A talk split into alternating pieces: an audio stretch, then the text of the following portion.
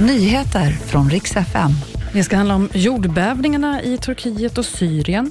Och så kommer en varning från SMHI som varnar för blixthalka på flera håll i natt. Vi ska börja med jordbävningen i Turkiet och Syrien och det kraftiga skalvet i natt låg på 7,8 på Richterskalan. Man räknar med att uppemot 10 000 personer kan ha dött. Hittills har man bekräftat över 1 500 döda. Förutom efterskalv så har alltså ett nytt kraftigt skalv också inträffat strax före lunch. 7,7 på Richterskalan var så pass kraftigt att det ska ha känts ända upp till Grönland. EU skickar nu ner räddningsteam till åt, från åtta länder för att hjälpa till. Så kommer en varning för Sverige och det gäller från SMHI. Gul varning gäller för plötslig ishalka och det här gäller framåt kvällen och för Västerbotten och Norrbotten. Trafikanter i de här områdena uppmanas att vara extra försiktiga framåt kvällen.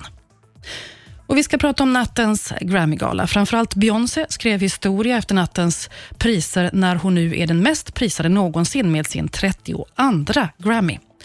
Skådespelerskan Viola Davis tog sin första Grammy, men med det så fick hon den prestigefyllda titeln EGOT, som står för Emmy, Grammy, Oscar och Tony och går till den exklusiva grupp som vunnit alla de priserna. Det var också de senaste nyheterna. Jag heter Maria Granström.